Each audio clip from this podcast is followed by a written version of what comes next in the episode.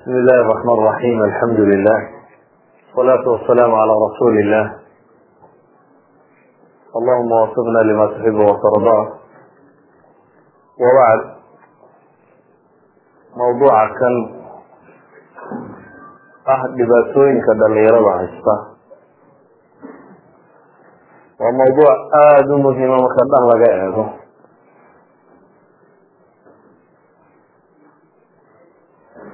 Waana mawduuc gudo ballaadhan oo runtii wax muxaadaro lagu xalilo ka weyn waayo dhibaatada kama waramayo dhibaatadii da-da shabaabka la ydhaha dhalinyaro la ydhahdo qabsatoo dhan laakiin waxaad moodaa inay si gaaro u tilmaamayso qofka muslimka ee soomaaliga ee dhalinyarada ee jooga dunida reer galbeedka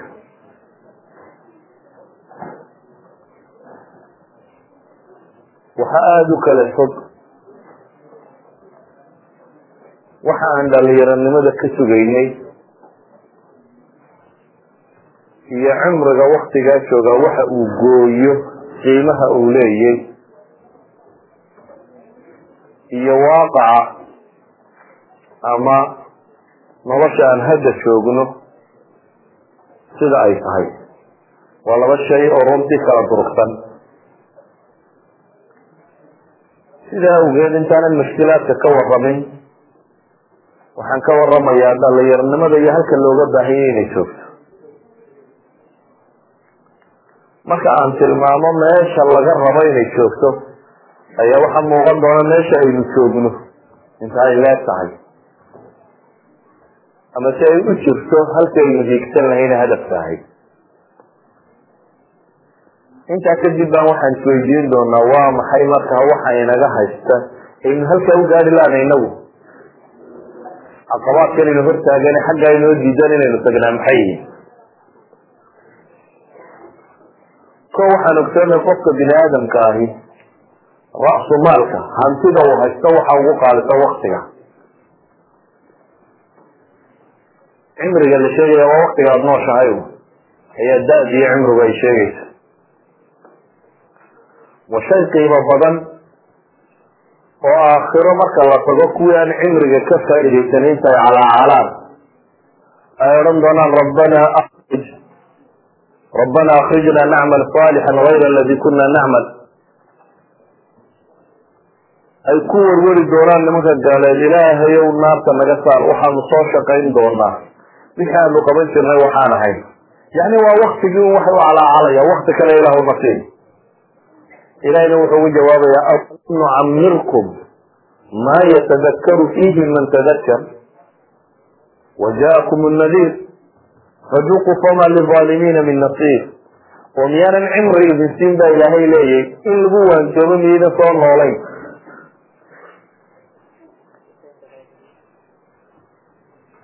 waxa uu nabigu inoo sheegay salawaatu wasalaamu calayh imaam tirmidi warinaya xasanun صaxiixa uu ku tilmaamay.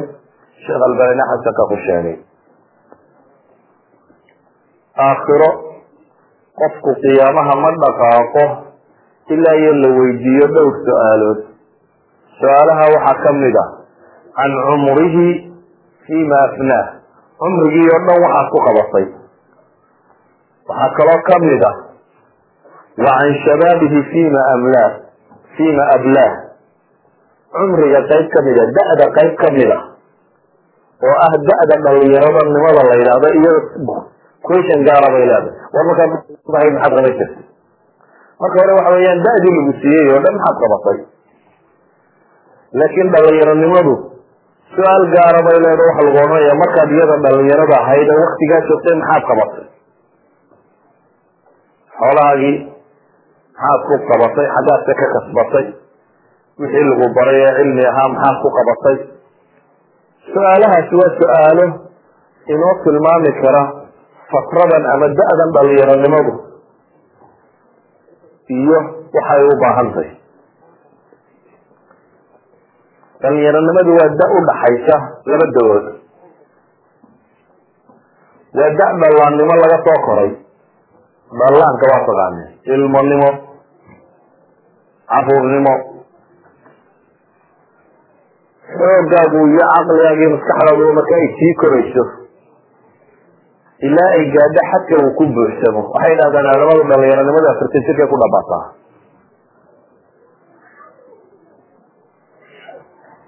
Da-da intaa udhaxaysa allahu aladi khalaqakum min dacfin uma jacala min bacdi dacfin quwa uma jacala min bacdi quwatin dacfan wa shayba. Yakluqu ma yashaa wa huwa alcaliim alqadiir ilaahay baa le wax dacfi baan idinka abuuray dabeetana xoog baan idin siiyey xoogga dabadiiba haddana liidimo kale laydin celiyay dhalinyaronimadu waa wakti qofku uu xoogan yahay maskax ahaan uu soo korayo jir ahaan uu soo korayo sida awgeed waa wakti khatar ah khatarta uu leeyahay waxaa ka mid ah. Hadday dayacanto dhalinyaronimadu waa lama soo qaban karo. Noloshaada inta dambe khatar badan ay ku sugantay ummad waliba waxaa la yidhahdaa dhalinyaradeedu siday u eg tahay mustaqbalkeedu u ekaanaya inta badan. Dhalinyaradeeda dhaqankeeda thaqaafadeeda aqoonteeda kaljarkeeda dadnimadeeda akhlaaqiyaadkeeda waxaasi hadduu dhisan yahay waa bulsho mustaqbal leh. Haddii waxaasi aanu dhisnayn ama dhalinyaro faariq oo badan ba ay tahay qolof weynuun oo feedho buuran ama qashin uu ka buuxo aanu madhnayne waxbaa ku jira laakin waxa ku jiro dham waa garbage. Xashiish baa lagu buuxiyey. Ummadaasi mustaqbalkeedu aada buu umadow yihi sidaa awgeed ayaa taariikhda bini aadamka ciddii wax ka bedeshay taarikhda marka la eego waa dhalinyaro. Asxaabulkaaf oo ummad dhan ka horu ka horu yimi maca dawladaheedii maca boqortooyadeedii ilahay wuxuu ku sifeeyey inahum fityatun aamanuu birabbihim wazidnaahum huda. Fitya. Dhalinyaray ahaayeen baa ilaahay yihi ilaahay ruuyey ananaanu hanuun kordhinay.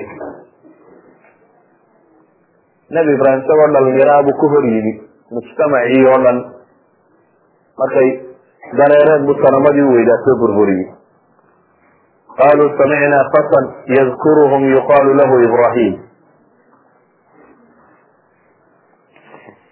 waxaasoo dham waa iga muqadamo hordhac. Hordhacaasi wuxuu tilmaamayaa dhalinyaronimadu hadday saxan tahay ummaddu inta ay hagaagi kartaa inta uu leegiyi aan sawir idinka siiyo saxaabadii nabiga salawaatu ullahi wasalaamu calayh ee dunida kan xagga kale u gediday mawaasiintii dunida taallay oo dhan wixii wax lagu qiimeyn jiray oo dhan raggii dabagediyey. Hadday dagaaltay hadday cilmitay hadday aqoontay hadday xabaaratay hadday dadnimatay hadday dhaqantay saxaabada markaa maqasheen ma odayaal ma uhaysataa dhalinyaray ahaayeen dhowr iyo toban jiro dhowr iyo labaatan jiro ay ahaayeen nimankii dunida dhanka kala udhigay raggii ugu waaweynaa dhowr iyo soddon jiro ay ahaayeen rag ka mid abubakar iyomaa toddob iyo soddon jir ahaa markuu islaamay cumar nin lix iyo labaatan jira buu ahaa markuu islaamka soo galay cusmaan wuxuu ahaa nin labaatan jira ayaa lagu tilmaama cali ibn abi aalib nin dhowr iyo toban jir ahaa. Afartaasi waa khulafadii afarta ahayd abubakar mooyaane inta kaleba lix iyo jir labaatan jir iyo dhowr iyo toban jir. Sacd ibn abi waqas toddob iyo toban jir buu ahaa. Suhayb waxaa lagu tilmaamaa sagaal iyo toban jir buu ahaa. Zayd ibnu xarisa waxaa la yidhaha labaatan jir buu ahaa abu cubayda camir ibnu jarax sham ninkii furanayey waxaa lagu tilmaamaa sanad buu cumar ka weynaa. Toddob iyo labaatan jir buu ahaa meelaha cabdiraxmaan ibnu cawf iyo bilaal iyo qoladaas ku jirtay soddon jiray ahaayeen. Alarqam ibnu abilarqam waxaa lagu tilmaamaa inuu ahaa maxay? Kutubu taarikh qaar baa yidhahda koob iyo toban jir baabuu ahaa. Qaarna waxay leeyiin uu ka yaro roobaa dhowr iyo toban jir buu ahaa ragga kani waxay ahaayeen rag yaraantoodii taabo galay.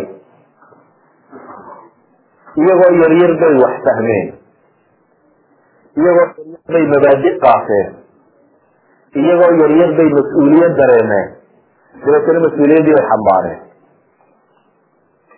Sida awgeed caliy bn abi aalib markuu ciidamada muslimiinta hogaaminayay nin dhalinyaraabo khaybar iyo dhulka markuu furanayay dhalinyaray ahaayeen raba inay jihaadsamaan raba inay khayr sameeyaan.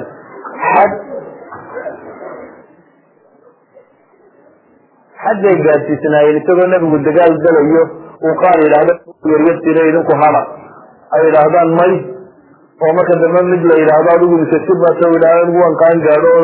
Oo marka dambe nin ay saxaabiya la yidhahdo ya rasuullahi ninka kani maynay qaan gaadhin kani wuxuu yaqaanaa dhugta yani leebka sida waa nin madaaficda rida yaqaan baa laleeyahy nin si fiican wax u gani yaqaano weeyaan. Markaasaa la yidhi ninkan wax gani garanaya isagoo ciidanka iska soo raaco. Nin kalo saxaabiya istaago wuxuu hi ilahi rasuulkiisiiyow kaa aad u ogolaatay inuu dagaalamo. Anna isaga badna markaan ku maanigaya mar qura ima labdi karo. Dalagdaba baa la yihi ninkii gamuunka lagu qaatay ayaa la isgalay oo dhinacuu dhulka u dhigay. Adna raac baa la yidhi ciidanka yani ragga kan yaraan inta lagu reebay laakiin diidan yaraantan inay aqbalaan oo le dad wax qaban kara baanu nahay. Dad jahaasami karo dagaalamka wax qaban karaba waxaynu odhan karnaa muhimaad waaweyn buu nebigu ragga kan u doortay. Usamata bnu zayd inan yaroo dhowriyasaba jira buu ahaa markaasuu nebigu u tilmaamay inuu qoraan rasmiya u noqdo diinta lugada yahuudeed afka cibriga wixii lagu qorayo iyo wixii ay waraaqo u soo diraan iyo waxaan inuu isagu kala tarjumo.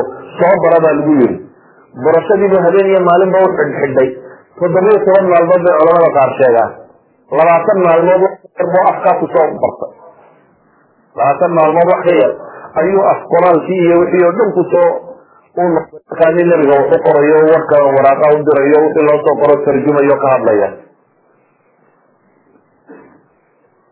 Wa ibnu saabit ayaa ninkaanaan ka waramaya samat ibnu zayd ba wa ibnu saabit wa ibnu saabit waa ninkii muhimada ah qur'aankan iyo ururintiisa iyo qoristiisa saxaabada u xil saartay. Abubakar uu xil saaray cusmaan uu xil saaray ee muhimada ah inuu asalka ugu weyn islaamka isagu ururiyo qoro qur'aanka. Musxafkan aynu hayno ninkii loo xil saaray weeyaan. Usamata bnu zayd isagoo sideed iyo toban jiru ciidamo hogaaminayay. Mucaadi bnu jabal isagoo nin yara buu cabdullaahi bnu mascuud lahaa. Mucaad wuxun baan odhan jirnay qaanitan lilahi buu ahaan jiray bu ley keligiiba ummada nabi ibraahim baan ku shabihi jirnay bu leeyay fircawnkii ummadda nabi maxamed ee abujahal la odhan jiray laba wiiloo yaroo dhalinyaraabaa ka takhalusay. Abujahalkii loo taagu ee nabi maxamed maka ka soo saaray ee waxaasoo dhiba waday. Goobtii dagaalka cabdiraxmaan ibnu cawf iyadoo dagaalka lagu jiro dagaalka adag yahay bu yihi waa wiil yar iska dhisoo dhinac taagi. Dabeetana wuxuu gu yihi bu yihi adeer ninka abujahal la yidhahdo nabiga caayi jiray baan rabaa inaad istusto kii anigu aan weli u jawaabin mid kale dhinacayga iska kay soo taagay bu yihi oo dhinacay qabtay markaasu wuxuu gu yihi adeer waxaan rabaa ninka abujahal la yidhahdo nabiga maagi jiray inaad istusto waa wiilal yaryaroo iyagu madiine ku koray. Abujahal kaba ismay arag. Abujahal waa mid reer maka oo makay ka talinayay laakin ismay arag. Wiilashan yaryari laakin cabdiraxmaan ibnu cawf waxay leeyihiin aduguna tilmaamun abujahal oo ciidamo hogaansanayo meel ka soo baxay bui waa ninka ah ay weydiinaysay waa lagula haleelo dhulkaa loogu turay laba wiil oo yarar baa abujahal ka takhalusay waxay ahaayeen maxamed ibn lqasim sind iyo hindiye iyo bakistan kasteeda sare iyo dhulkaa ninkii muslimka furtay. Saddex iyo toban jir buu ahaa ninkii ciidanka watay toddobiyo toban jir maxamed alfatix ninkii maxamed ibn alqasim ninkii la odhan jiray. Wiil yaro toddobiyo toban jir bay ku sheegaan taarikhku buu ahaa waxaynu odhan karnaa aimada waaweyneyd ee cilmiga diineed muslimiinta baraysay imaam albukhaari markuu qadaaya saxaaba wax ka qorayo kaatibka u ahaa sideed iyo toban jir buu ahaa. Imaam albukhaariy sideed iyo toban jir buu ahaa. Imaamu shaafici isagoo saddex iyo toban jir meelaha marayuu muwaaa imaamu malik u akriyay dhowr iyo toban jirkiisana mufti buu ahaa dadku ay wax weydiiyaan. Waa imaamu shaafici haddaan islaamo taariikhdii hore islaamiga ah ka waran dee waxay ahaayeen rag aanan muxaadariya laba koona ku soo koobay laakiin uma socdo maanta ma aha deriskaygu inaan iyaga ka waramo iyaga runtii inaan ka waramo laakin derisku iyaga maaha derisku waa mushkilaadka ama dhibaatooyinka haysta bulshadata hadday kuwaasi caynkaa ahaayeen oo nimankii taariikhdan bedelay ee dunidan wax ka noqday ay sidasan ahaayeen inaga shemi maxaa haysta? Waa under age waa teen age waa qofaan waxba garanayn waa warbadhiciye halkana toddobiyo toban jir dunidan buu haystay. Kana waxaa la leeyahay adigu under age baaba toddobiyo toban jir baaba se macaqla kugu jira. Waxaa tahay qof gacanta la hayo.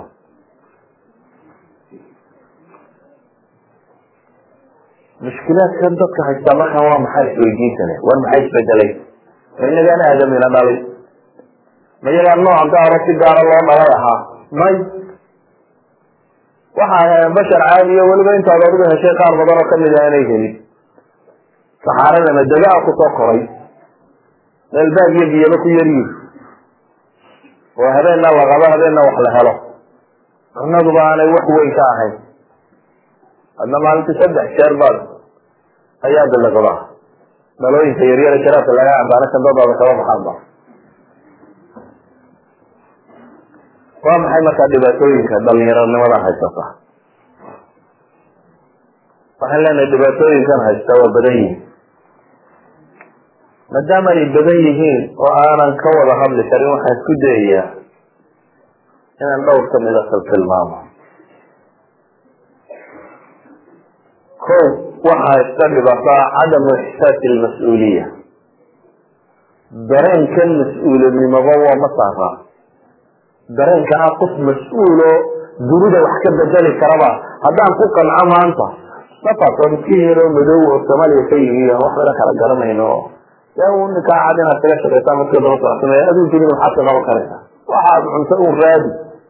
Haddaan ku qanco macnaheedu waxa weeyaan intaanan dhiman baan dhintay geeridu intaana iman horseed baan dhintay isla mustafihii yaraaye madoobaye ka yimi ah. Haddaan rumaysto in dunidan xilliga saaran yaan wax ka bedeli karana waxbaan bedeli karaa. Haddaan rumaysanahay in dunida waxaan ka bedeli karo. Waxaan dhegeysanayay nin kamida nimankan madmadow ee maraykanka ah oo markaa bulshadiisa madow dhiiri gelinaya oo le waxaa laydinka dhaadhiciyey in nin madoobi weligiiba mid la dulaysto caynkan oo war weligan baynu ilmo boqor ahayn bu yihi markaasu wuxuu soo tiriyey dad madmadow oo madax ahaan jiray iyo waa ka ilaa xad intu xadgudba uu yiri isagu aragtidiisa. Nebi cadba maynan maqalen nebiyadoo dhami kalar bay ahaayeen. Midan iiska iyo afrika meelahaas bay ka soo baxeen buu leeyo nebina buluhiba kuma jirin buu soo taagay waxaan maxaa ku kalifay wuxuu raba inuu dadkiisan u sheego. War weligin baa rag rag dhalay ahaydeene tahay dib u rumaysta. Dabeetana carruur ay sidaa u tababareen buu marka dambe microphone la dhex marayaano markaas laleeyaho wuxuu leeya anigu weligiiba aabayaashay oo ay ahaayeen kingis qofka rumaysan reerihoodii aabayaashay inay talin jireen isna wuxunbu ismoodaa inuu talin karo. Qofka laakiin rumaysan weligoodba in la gumaysan jiro cagta hoostooda lagu hayo ay ducafo ahaayeen. Soomaalidu maxay uka buurisay reer walba islaamku caruurtooda waxay ugu sheekaysaa berigi ay guulaysan iyo reerahoodii ber ay qaar kale geel ka qaadeen. Nin waliba asku taagaya markaa wuxuu jira idinkuma geela qaadi jiray. Waayo reer walba islaamku ilmahan yar uga sheekaysay intii geelaha awowyadood uu qaaday iyo goobahay wax dhiciyeen iyo goobahay jabeen midna looga sheegin. Beri dambe aad weynaasin baad ogaanaysaa beryo reerkii laba jebiyey laakiin waxa ka dambeeyey tarbiyadani waxay ahayd in qofkan yari inuu meel raganimo taallo ka dhashay in la baro. Therefore uu tidhaahdo mustaqbalka adna waxbaad qaban kartaa. Iminka ninka boqorku dhalay de wuxun buu isu diyaarinaya inuu boqor noqdo soo maaha? Waa uu qof ka fekeraya inuu boqor noqdo? Laakin ninka uu mid dhulka shiiqa de wuxun buu isu diyaarinaya sida inuu sanadka dambe fiiqo? Dabcan haddii qaabka loo tarengareeyo waa caynkan yahay. Waxaan leenahay mushkilada koowaad ayna haysata waxa weeyaan qaabkaynu dunida u aragno ama u sawirayno ama inoogu muuqato qaadaan jirina. War waa inaad keenataan boqoradii dunida inay idinku tihiin idinkaa muslima. Adaa muslima. Muslim baa tay macnaheedu waxa weeyaan rabbigii dunidan lahaadaad u hogaansanaatay idan inta dambe waa inay kugu soo dabafashaa aragtidaa haddaad rumaysanto mas'uuliyad intaa leedaad nolosha ka rumaysan tahay something. Waxbaad qabanaysaa markaa waxbaana soo saaraysaa qof mustaqballana waad noqonaysaa hadi waaxida waa mushkilada koowaad iyo sidan laydin ee laydin tuujiyey ee qof yaroo madoob oo qaxoontiye oo soomaaliya iimaad ku qaadatay taa meel iska waa kitaab kala. Kala adoo kitaabka reerkiinu akriya akrisa inaad mid raga tahay oo wax iska dhici kara hadi waaxida masalada labaad. Waxa weeyaan nim nicmadii ayaynu niqmo u aragnay waa laba eray oo carabiya nicma waa barwaaqo. Waa shaygii lagu barwaaqaysanayey oo loo arkay inuu yahay dhib iyo kadeed maxaan uga jeedaa mas'alat lfiraaq firaaqa mataqaana saaliska waktiga dadka dhalinyaradii waxay ahayd markuu wakti helo inuu ka faaidaysto nimco ilaahay siiye u arko inuu wakti isbeera oo waxba ku qaban inuu haysto inuu nimco u aragto. Laakin haddii waktigu xanuun kugu noqdo ka waran aad tiraa iskuulkii waa fasax allaaliyo waxaa qabta habeen ka caawaan garan maayo. Diskasiga ma qabanaa se filimka qabanaa xageen waktiga ku soo dillaa marka aan kubad ka daawano tv-ga inooshi maantoo dhan uu tv hoos galgasho una kolla kaa ka rog laba boqoloo janal kolla kaa ka rog meel wiil yari boodboodayo heesayo ama mid caag loo buufiyo kubadeeryayo ama wuxuun inuu eego nicmadii haystay ayaa qofkii ula muuqatay dhib waktigii nicmu ahaa nicmo aad wax ku barato aad ku shaqaysato aad wax ku qabsato aad dad ku noqoto aad ku korto hadday iyadu dhib kugu noqoto ay noqoto dhibkii laga takhallusayey waarsaanu gallaa seexo diinahaysa saar kolbaysa sii deg wuxuu rabaa inuu labaatan saacadood hurdo wakti badan inuu hurdaabu doonaya waayo waa fasax buu kuleeyahy wuxuu rabaa waktiga meeluu ku dilo. Inuu soo boodboodo meelaha tagoo ku dilo. War waxaana aad dilaysaa waa cimrigaagi hadda. Cimrigii kuu tirsanaa cimrigaa dil wanaa dhafkaa lagaa socda ilah waxa laygu daro. Sacaga maaha waxa laygu daro markii lagugu darayna waxaad ku leedahay xaggaa laga markii lagugu daray iminka haddii laynaa nafta halagka warqato waad argagixi lahayd. Qofkaawaniyo anigu inuu isla noolaadayo aad ka dhinto waa yaryi haddii laydhaha nafta halagaka qabto maydaynu odhan lahayd. Ilaahay wuxuuna inoo saayidiyo laakiin marka laguu saayidiyey ee in lagugu daray haddaad waxaad ku qabataba garan weydo oo intaad soo toosama tidhahda miya batay maxaynu ku dilnaa inamada meelahaas ku soo warwareegna. Cayaar ra'aan waxaan soo entertainment iyo music iyo wax lagu dila la raadiyo. Hiyo almashkila idan dhibaatadan waxaa labaad aan sawiraya. Dhibaatadii koowaad waxaan ihi waa mas'uuliyadii aynan dareemin. Dhibaatada labaad aan sawiraya waxa weeyaan. Waktigii nimcada ahaa jaaniskii ilaahayna siiyey wayna nooleeyey waynu haysanay ayaa inoola muuqday dhib. Waynu rabnaa inaynu ka takhallusno isagiiba ugu raadinaynaa wax lagu rido. Waa mashkiladiyana xal u baahan. Xalku waxa weeyaan inaad brogramid noqoto. Qofku jadwal nololeed inuu leeyahy wakti uu akriyo wakti uu seexdo wakti uu soo jeedo wakti waxbarto wakti waxbaado inaad noloshaadu jadwal leedahay. Inaad isku daydo hurdo intaad yarayn karta inaad yarayso inaad isku daydo entertainment. Waxa waktiga lagu lumiyo intaad yarayn karto inaad yarayso inuu kaa noqdo mar aad wixii kaloo dhan caajistay inaad ku soo yaro baraarugto. Yani haddaan imka maanta o dhan wax akriyo akriyo akriyo waxa laga yaabaa saddex saacadood markaan marayo inaan gaalo. Waxaan u baahanay nus saacan iska yara nasto fadhiyo iska shaashaayo saaxiibka la sheekaysto wara laakiin nus saacan wuxuu isiinayaa inaan dib appetite ugu helo. Waa appetizer inaan dib ugu helo shahiya yani dib inaan u isticmaali karo haddana mar kale ama wax akriska ama waxqabad kale. Walidalika waxaan leenahay dhibki wuxuu ka yimi waktigii baan lahayn programming. Waktiga xisaabto oo program u samee oo ha noqdo raasumaalka maanta haddaad waxoogaa lacagayta soo hesho ay suuqa kaaga soo lugto ka waran. Madaxaad maanta dhan isqaban lahay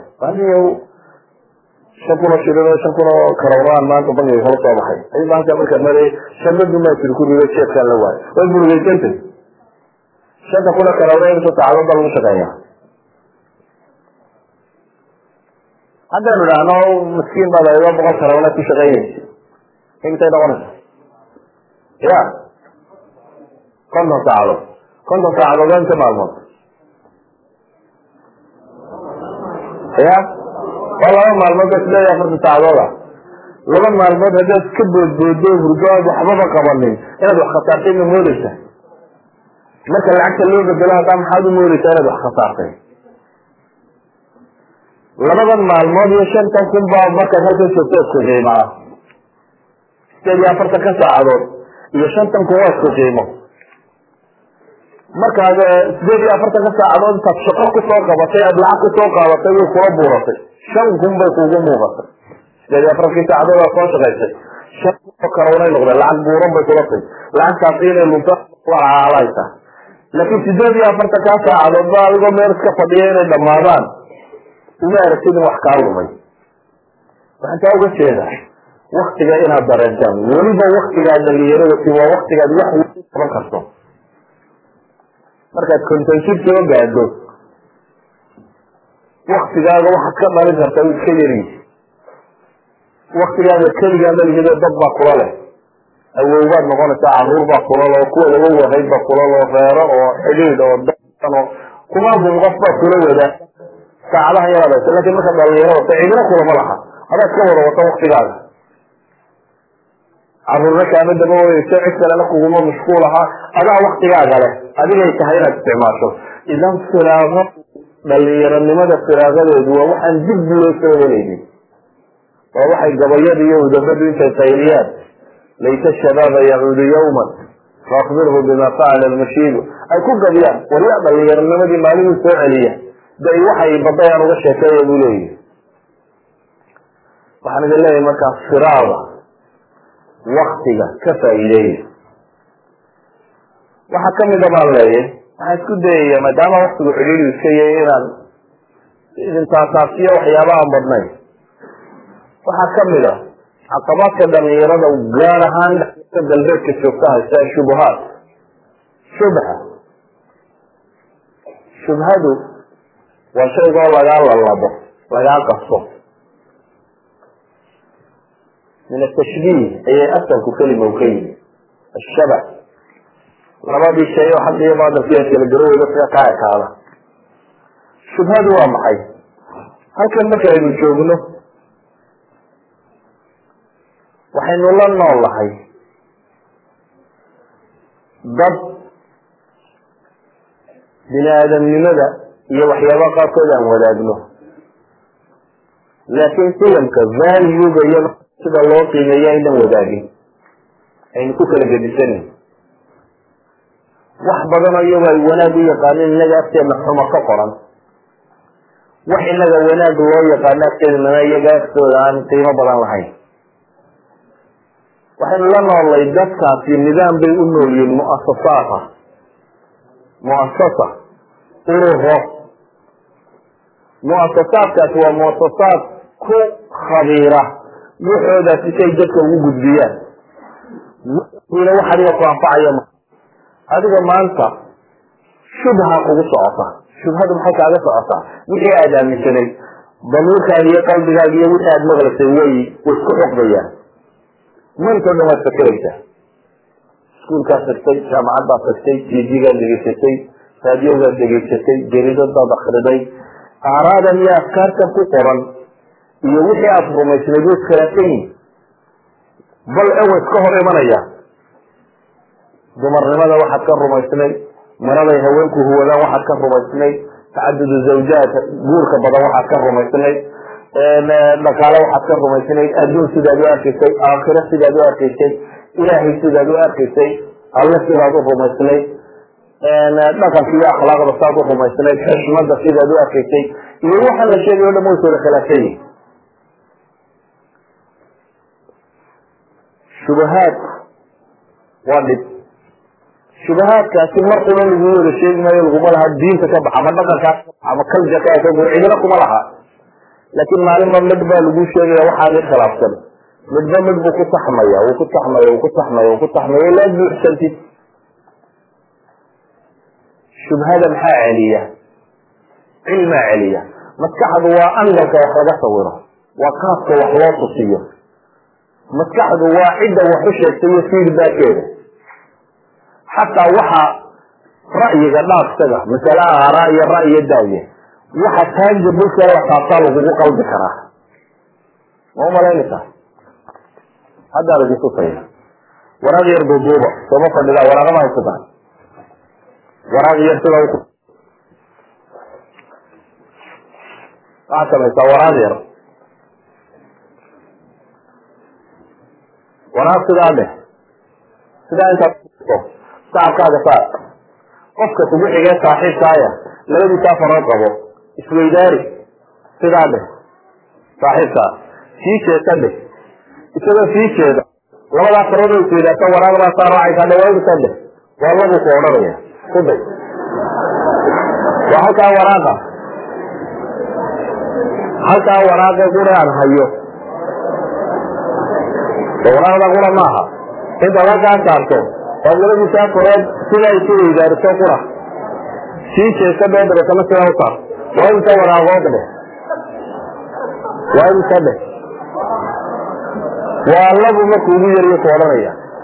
Waayo maskaxda markay neermuhu caynkan yahay sidaa ugu sheego waa sidii saxa ahay. Waa dharkay ka taqaanay buu odhanaya. Haddii laysu weydaariyo laba aan isku mar wax taaban jirin baa isku mar wax taabanaya dabeetana waa labay sheegaya waayo labadaasi. Labadaan ban isku mar waxma taabtaan naagarolita ilaahay ugu talagalay seen bay yihiin isku mar maa wax wada taaban karaan. Laba aan isku mar wax taaban baad isku mar wax taabsiisay dabeetana waxaad odhanaysaa waa laba. Idan qadayaadka fikrigaahi way ka sii khatartay kuwan. Tani waa material baan ku tusay qadayaadka fikrigii waa angalka lagaa tuso waa fishanka angalka wax lagaa tusabaad wax ka arki kartaa walidalik shubahaadku shubahaadku dhibtooday leeyihiin maadaama ay dhibtooda leeyihiin waxa daawada u ah dhaqankaaga diintaada caqiidadaada waxaad rumaysnayd ma difaaci kartid. Haddii aanad aqoon lahayn insaanku waxa uu isku difaaca. Waa silaaxa dhabta ahi waa alcilmi naafic silaaxa dhabta ahi waa maxay? Waa alcilmi naafic waa cilmi waxtara. Haddii aad ka daba go-an tahay oo aad waxba ka ogeyn intii dee hooyi aabbayaad ka maqmaqashay iyo meelaha soomaalida joogtay iyo kutilkusaanta intii aynu ku soo dhalmegeysanay mooyaane haddii aanad si rasmiya diintaada wax uga ogeyn inaad luntaa aad bay u fududay. Waayo angalkan quraad wax ka arkaysa hayse o dhan waa maskax badantay bilaaladu waa maskax baday ilo bini aadam kula mid eh. Bini aadam maskax badnayn baa jira. Bini aadamku aweye maaha taasi saaran oo kala saaran. Maxay u lumeen waxay u lumeen angal qaldan baa wax laga tusay. Ama se waxaanay helin jaaniskii xaqiiqada loogu sharxi lahaa ama se masaalix ay leeyihiin bay ka door bideen oo isagoo xaqa arkayo ogaan u diidaya. Laakiin inta xaqa ogaan u diida waa fiada yare wax ku haysatee mujtamac weynuhu wuu qaadan lahaa. Wuxuu soo qaadan waaye xaqiiqada maa loo soo bandhigin ama se si qaldan baa loogu soo bandhigay. Ninka norudiya marka la dhaha muslim ka warran waxaa laga yaaba maanta un dee nin dadka laayo aan lala noolaan karin oo caynkaasi imisaa ka rumaysay.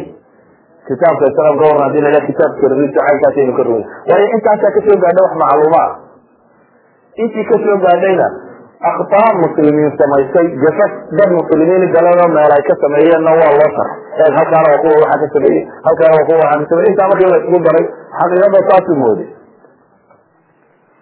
waxa markaa muhimkii wuxuu yahay mu'asasaad baa ku dhex nooshiin dad eges beertisi khubaro ahi ay dejiyeen wuxooda sanood ku talagaleen oo adiga kugu hanto oo uu soo saaro qof waxan uu rabo rumaysan inuu soo baxo. Adigu markaa laba mid uma noqon. Inaad wixii uu rumaysanaa raacdid iyo inaad sila ka shakidid wixii aad haysatana ka shakidid wax walbana ka shakidid qofku iska shakisana meelihiisa iska jooga aad noqoti ilan waxaad haysata daliilkiisii maad baranin oo garan maysi sida daraaddeed laba midun baad noqonaysaa qof jiraa wallahi waxaanay sheegayaan baa saxanoo toosan oo xaggooda u durduriya iyo mid wax walba ka shakiya. Oo wixii diin laga sheegaba ka murma. Dhalinyarada waxay isaga badaya dadkana waxaas adiis haddii saa la maxaa dhacay? Kan iyo kan maxaa? Su'aalun bu wax walba ka taaganya maxay cayn tahay caynkaas u noqon. Waayo su'aalihiisa kan wax ka jawaabo usuula muu heli. Sidaa awgeed waxaan idin leeyahay dhibtiina idin haysata waxaa ka mid a kalgariyo diintiinii waa ka soo fuqdeen mid kale ku dhex nooshi kan kale ku dhex nooshina wuxuu rabaa mid kale inuu idinka dhaadhiciyo waxa iskaga difaacdaan oo ugu jawaabtaanna ma haysataan marka waa lumaysaan weliba dhibta sii taagan waxaa ka mid a dhibta luqada waxa aan sheegayo iminka waxaan rumaysnahay haddaa boqolkiiba ka fahamtaan inay faaideen anigoo islaaf soomaali ku hadal oo shilci oo ha ku gartaan. Haddana waxaan is leeyahay haddaa boqolkiiba konton fahamtaan wax badan ba iga fahamteen waayo anugu lugadii geel lagu raaci jiraan ku soo koray. Halkan garanaya idina kiina ugu fiicani. Luqada beriska lagu iibsado ama wax lagu gato ama iga baydh lagu yidhaahdu yaqaana soomaaliga waa intaan anigu norwejiga ka aqaano dukaanka wax iga iibiyo imisa baaqigay soo xalay tagsiga isug waa luqada wax lagu kala iibsado laakin tooda adabka waxba kama aqaano walidalika waxa adag communicationkeeniida waxa adag sidii aan wax idinka dhaadhicin lahaa. Afkii aynu isku afgaran lahay. Xataa dhalintiina inta badan ee masaajidka timaada wadaadkaa kitaabka masaajidkaa ka akrinayo inan yaroo aan dhalaan ku idhaa banakeen mutamarka tagne af carabi iyo af soomaaliga afka laisu geliya baan waxba ka garan maayo bay u tiri yani waa xaqiiqa dhibtu markaa waxay tahay. Cilmigiina waxay idinka hortaagan baariya kan kale. Teerkan ah. Ciddii soomaaliya ka timi iyo sidatay isgaafgaran weyde. Dariiqo kaloo u martaana waa la-di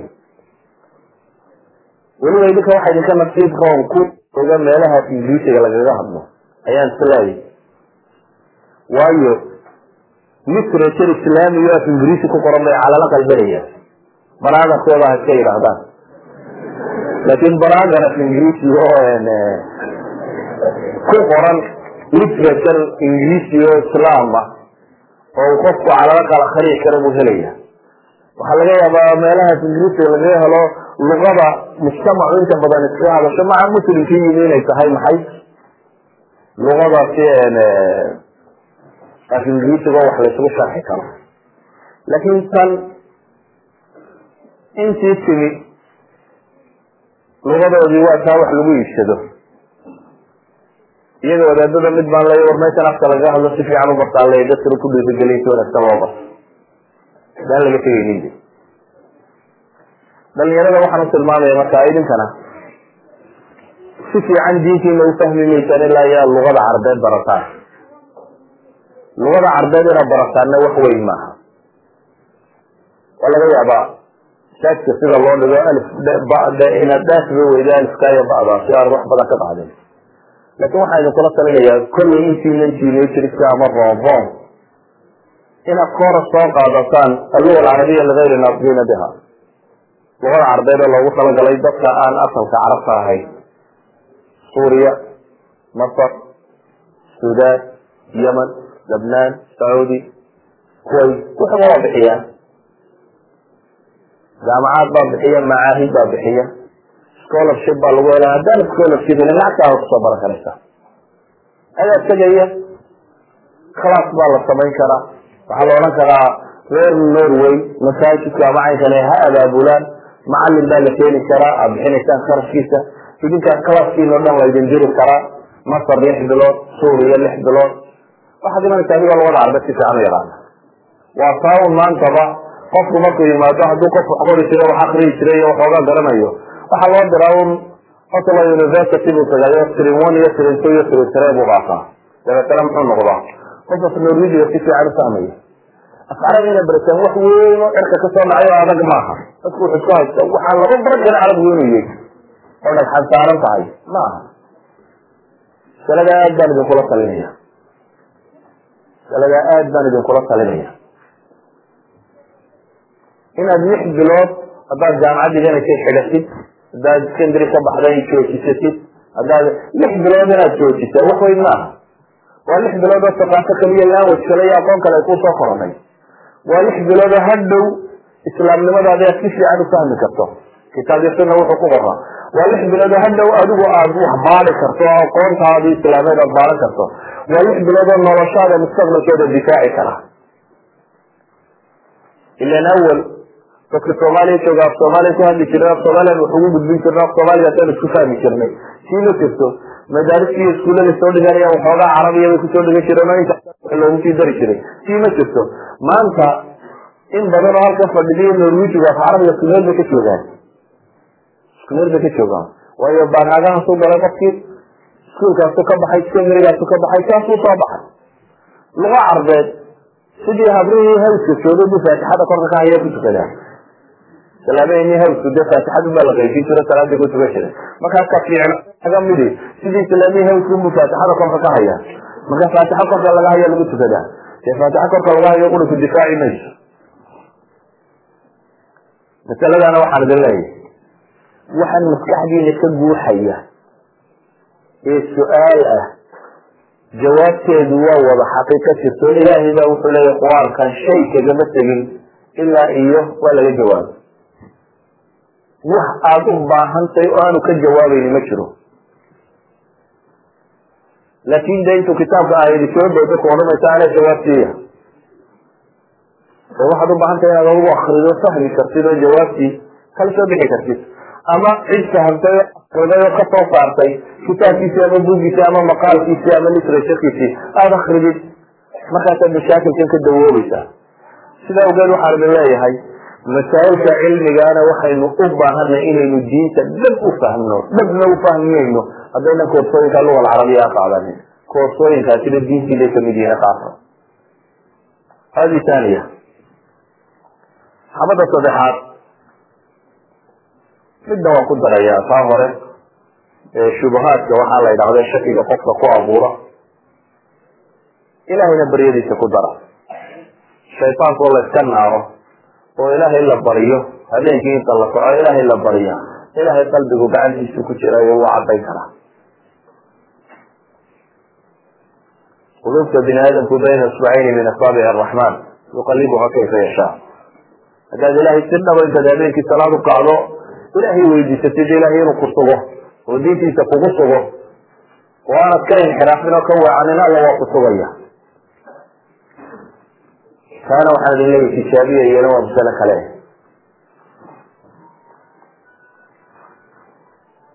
Mushkiladda shanaad ama caqabada shanaad meelaha meelaha weeyaan. Cadam almas-uuliya iyo alfiraaq iyo ashubahaat ta afraad aan tilmaamaya waxa weyaan ashahawaat qofku markuu dhalinyaro yahay shirkiisii baa soo dhismaya. Markuu soo dhismo baahiyihiisa soo badanaya. Meel wal oo cudw meel waloo jidhkiisa kamidiba way koraysaa. Koritaankaasi wuxuu ku gaadhayaa inuu qaan gaadho. Ninku inuu ninnimo dareemo. Inantuna inay inannimo dareento. Wuu sii korayaa wuxuu ku gaadhayaa ninku inuu bislaado inantuna inay bislaato wuu sii korayaa wuxuu gaadhayaa qofku xad marka dambe uu dib u soo noqdo oo hoos u soo noqdo. Dhalinyaronimadu markaa waa xadkii la korayo bislaanshihiisa xaggiisa loo sii wada socday. Idan shahwatu nafs. Marka hore waa mushkilad mashaakilka bini aadamka ka mid a waa mushkilad ilaahay ku talagalay inuu inagu itixaamo haddii aan shahwadba laynagu abuuri lahayn ka wada malaaiguna iska wayna noqoneen de malaysaan waxba doonin. Halkeeda iska fadhidaa war ka tusrixsata haddaanad waxbaba dareemaynin de malag baad noqon lahay. Ka tasbiixsada wkaa ka haya laakiin akhlaaqiyaadku waxay ku yimaadaan baa la yidhaahdaa. Qofkan wuu akhlaaq fiican yahi iyo wuu akhlaaq xun yahi waxa udhaxaysa in la intixaamo inuu galo mantiqo imtixaana oo markaa sidii u adeegsaday waxay dhahdaan qofka imtixaankiisu saddex shayba wuu ubahay xorriyad buu ubaahan yahy inuu haysto qofka udur uu ubaahan yahay awood iyo istiaaca mucaanaa buu ubaahan yahy bay yidhahdeen waxani wax caqabo laga gudbi karo inay tahay inuu dareemi karo. Intaa markay dhacdo ama wuu gudbi ama wuu wuu dhici oo wuu hooban. Inaad gudubtaa ma fududa. Inaad gudubtaa ashyaa badan bay ubaahantay ko inaad muslim dhaba noqotaa bay ubaahantay labo inaad ilaahay ku xidhantaa bay ubaahantay ood ilaahay xasuusatid wax kastaba. Oo xumahan iyo nafsi iyo shaytaan markay kuu sheekadeen alle aad xasuusatid oo cadaabkii kuu muuqdo. Oo jannada la waayayaa intay leegtay aad tasawurtid oo aakhira kuu muuqato. Oo aan doonistan yare nafta quri kuu muuqan iyo macmacaankani kaa doonaysa kaasi waa shay muhima oo qofka in lagu koriya u baahanta wuxuu u baahan yahay in qofka xishoodka lagu soo koriyo. Inantu inay xishoodnimada inannimo ku korto. Haddaanay xishood ku soo korin afka wax walba waa iskaga ballaadhinaysaa dabeetana hungurigu waa bilaabmaya inanku haddaanu xishood ku soo korin sheekada koowaad baaba la isku fahmaya laakiin haddii xishood lagu soo koro waxay noqonaysaa muddo in wax dahaadnaadaan ama daboolnaadaan waxaan leenahay waxaa ka mid ah in guurka la fudaydiyo oo inan iyo inan ciddii guursan kartaa ay guursadaan. Si xalaal ay u guursadaan. Guurku ceeb maaha. Gabadh weyn gabadh yar inan weyn iyo inan yar mid la guursatoona ceeb maaha. Bini aadam inuu isu baahan yahay waa la wada ogsoon yahay ama ha yaraada ama ha weynaado inuu isu wada baahan yahay waa la dhaqanka aynu halkan ka baranay dhaqan qurux badan maaha dhaqanka odhanaya laba isku da ee isguursato waa dhaqan waalan laba un isku da war labadii la soo cadfaa isguursata labadii kala heshaa isguursata labadii nolol wadaagi kartaa isguursata h y qasab maaha sida awgeed guurku inuu fududaado. Nin weyniyo nin yar inan weyniyo inan yar miduu doonaba hadee guurku inuu fududaado. Qof kasta inuu guursan karaa inuu guursadaa waa matlab sharciya si uu naftiisana u dhao mujtamacna ilmo xalaala ugu soo kordhiyo.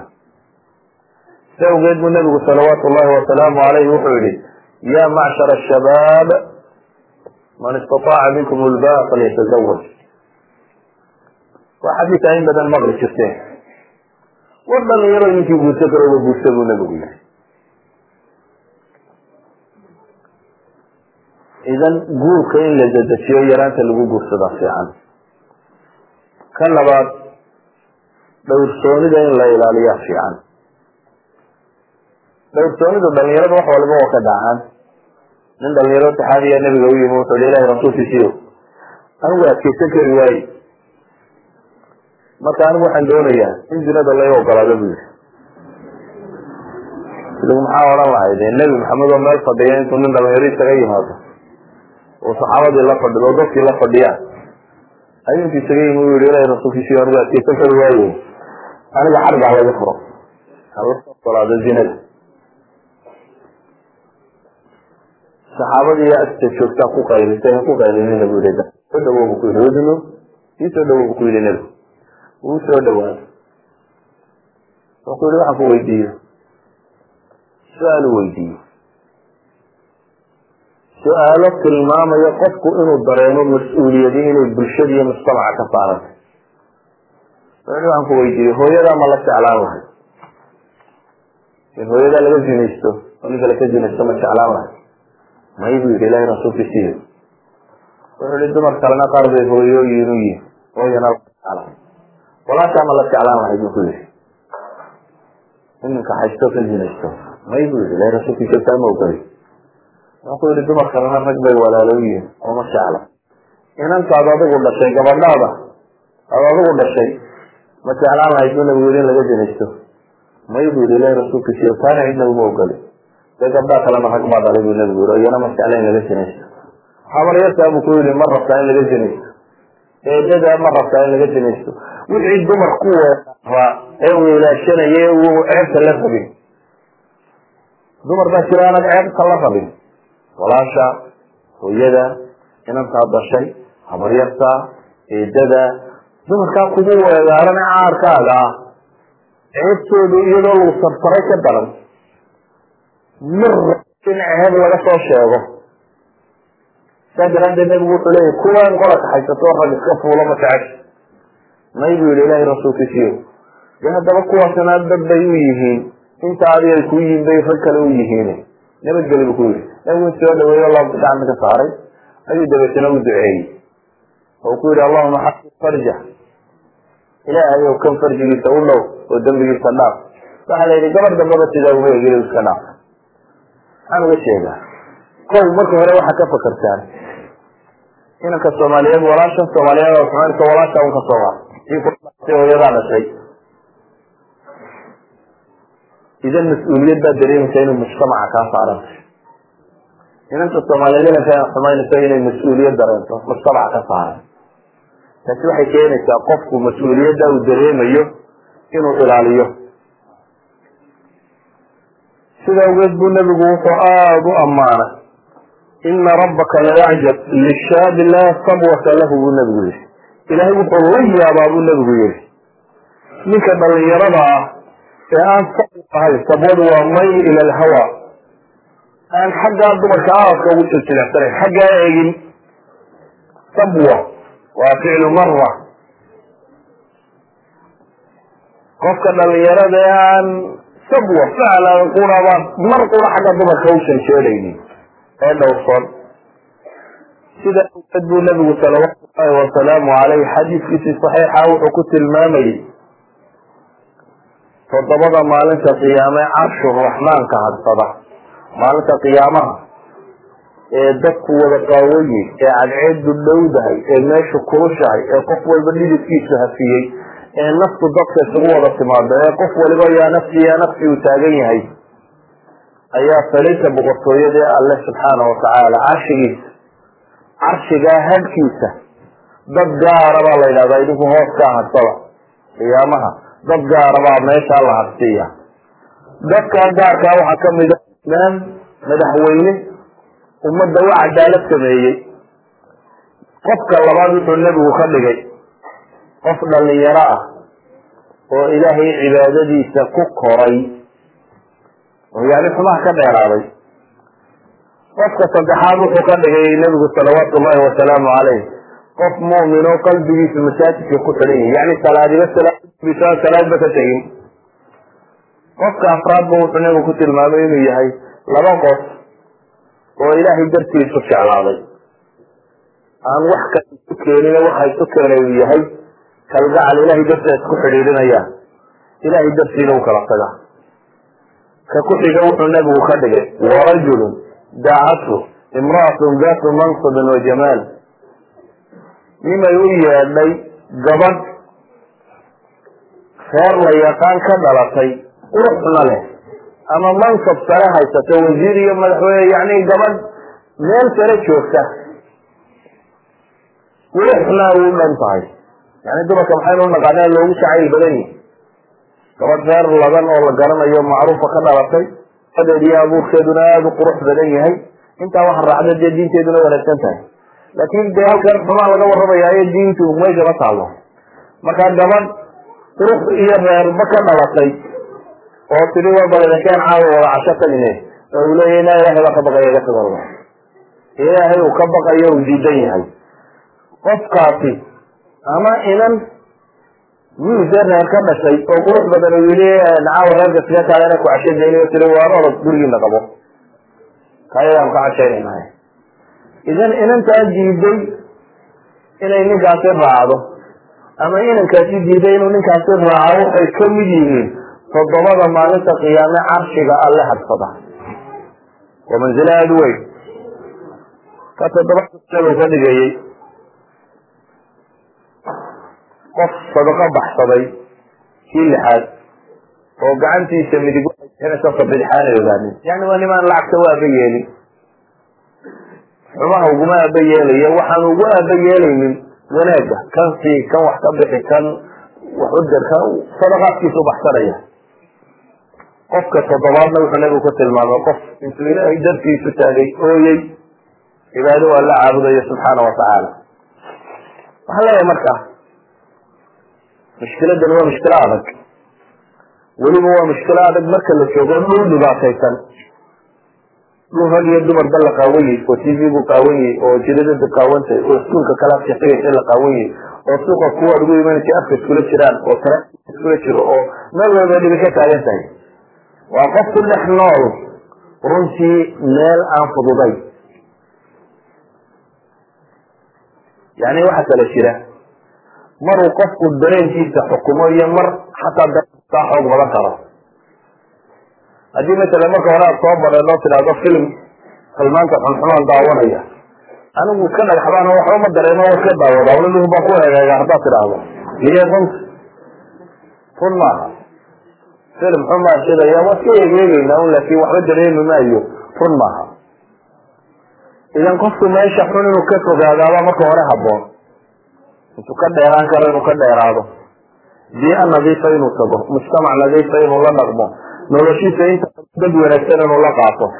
Inanta muslimada hablo kaloo muslimad oo wanaagsan inay la dhaqanto inanka muslimkii inamo kaloo muslimiin oo wanaagsan inuu la dhaqmo. Inuu masaajidka ku xidhmo inuu meelaha cibaadada ku xidhmo in dadka khayrka ugu yeedhayo ku xidhmo. Si uu uga fogaado cidan sharka ugu yeedhaysa inuu naftiisa controlo ilaaliyo ilahina wuxuu leya walystacfif aladina laa yajiduna nikaxan xata yugniyahum allahu min fadli masaladan guurka iyo ku saabsan waxaan filaya muxaadaraadkii hore inay ku baxeen oo wax badan laga waramay wax badan agu ka odhan maayo marka laakiin waxaan leeyahay waa dhib xal leh cidiidan ma bini aadam ma tihidine waxaa laydin leeyahay dhibtiina janno ku raadiya jannadu sacab bay ubaahan tahy nabigu wuxu yihi ilahay jannadiisu waa qaali waxa qaaliga ana dee si fudud la iskagama helo. Shaqa iyo hawl bay ubaahan tahay waxa fududi waxa fududi adkaysi buu ubaahan yahay hawl buu ubaahan yahay shaqu ubaahan yahay. Shaqada waxaa ka mid a inaad dhowrsanaatid oo inankuna inannimadiisa dhowro inantuna inannimadeeda dhowrto. Guur xalaala mooyaane.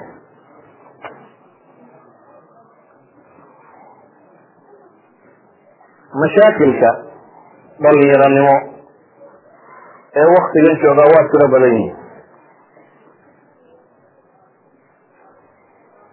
ilaa xadkaa nicmadii aynu nihi waktigu dad ku noqotay. Kastoo qofka muslimka ama aqoon ba ilahay leeya fa idaa fansad haddaad soo faarig noqoto cibaadada ku daal baa la yidhi